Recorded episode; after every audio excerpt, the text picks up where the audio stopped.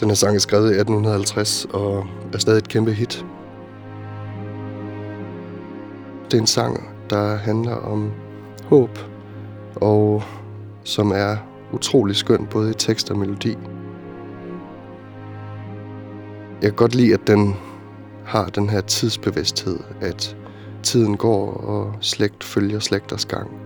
Og den sådan tyngde, der er i den erkendelse, og at den samtidig insisterer på glæden, den glade pilgrimssang.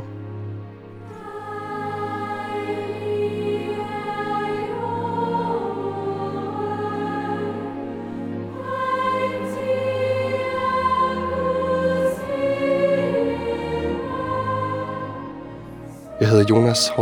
Petersen. Jeg er sangskriver i Hymns from Nineveh. Og så er jeg også salmedigter.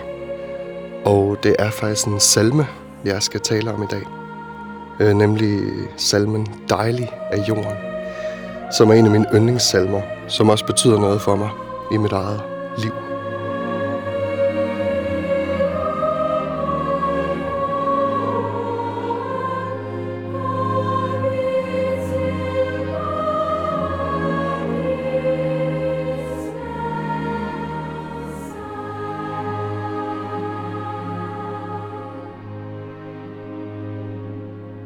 Noget af det, jeg tænker på med den her sang, det er alle de juleaftener og adventsdage, hvor jeg har sunget den her sang sammen med min familie, eller i en kirke, eller et eller andet sted sammen med andre mennesker.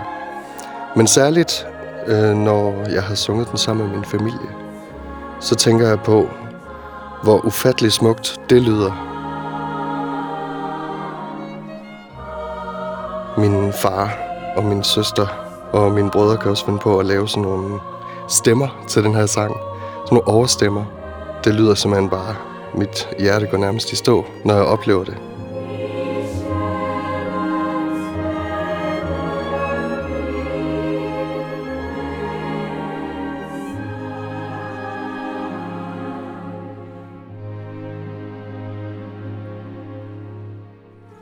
Udover at den her sang har fulgt mig hele mit liv, så er der en særlig episode, hvor den virkelig blev kæmpestor for mig.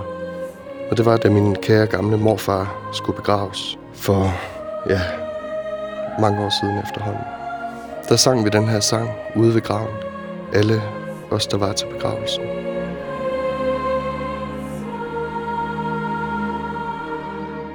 Det snede, så nu jeg det. Og så sang vi den her sang ved graven.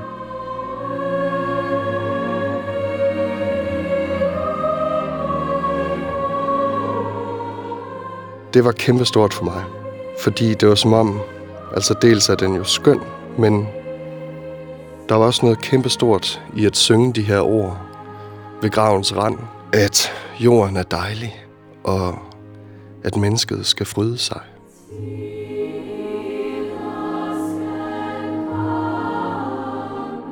Det blev også sådan metaagtigt, fordi at i teksten i den her salme, der står der jo også, at slægt følger slægters gang.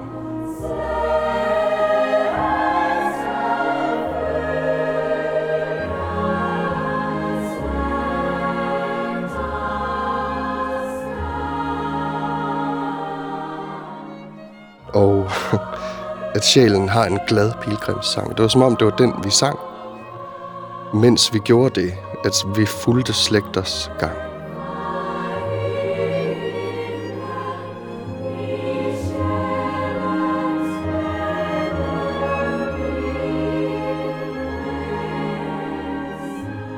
Det er sådan, det er i tilværelsen. At vi mister, og de levende overlader de døde til graven.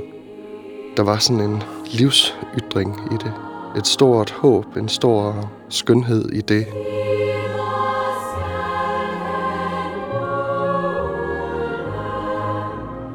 At de levende insisterer på at synge, at jorden er dejlig.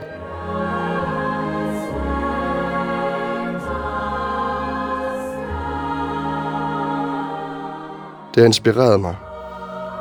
Både på sådan et eksistentielt niveau, men også sådan i i en af de sange, jeg har skrevet til den juleplade, jeg har lavet i år, der hedder Julekassen.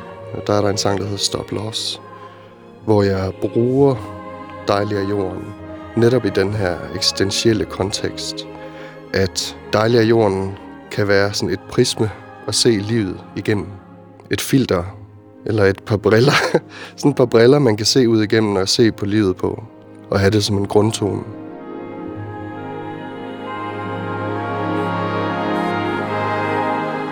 Insisterer på at synge det. Insisterer på at håbe det og tro det. At jorden er dejlig på trods af tab. At mennesket har grund til at fryde sig på trods af tab. At der er en kvalitet i det. Ja, en styrke og et, et håb i det.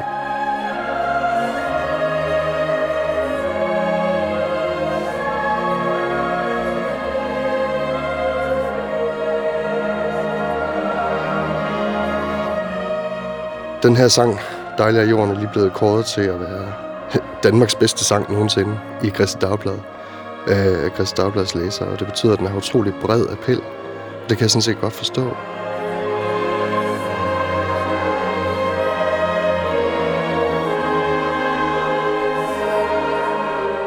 Der er en styrke og et håb til den troende og til den, der har andre overbevisninger i den her sang. Der er sådan en stor skønhed at hente, og ja, en håbefuld klang, som jeg elsker.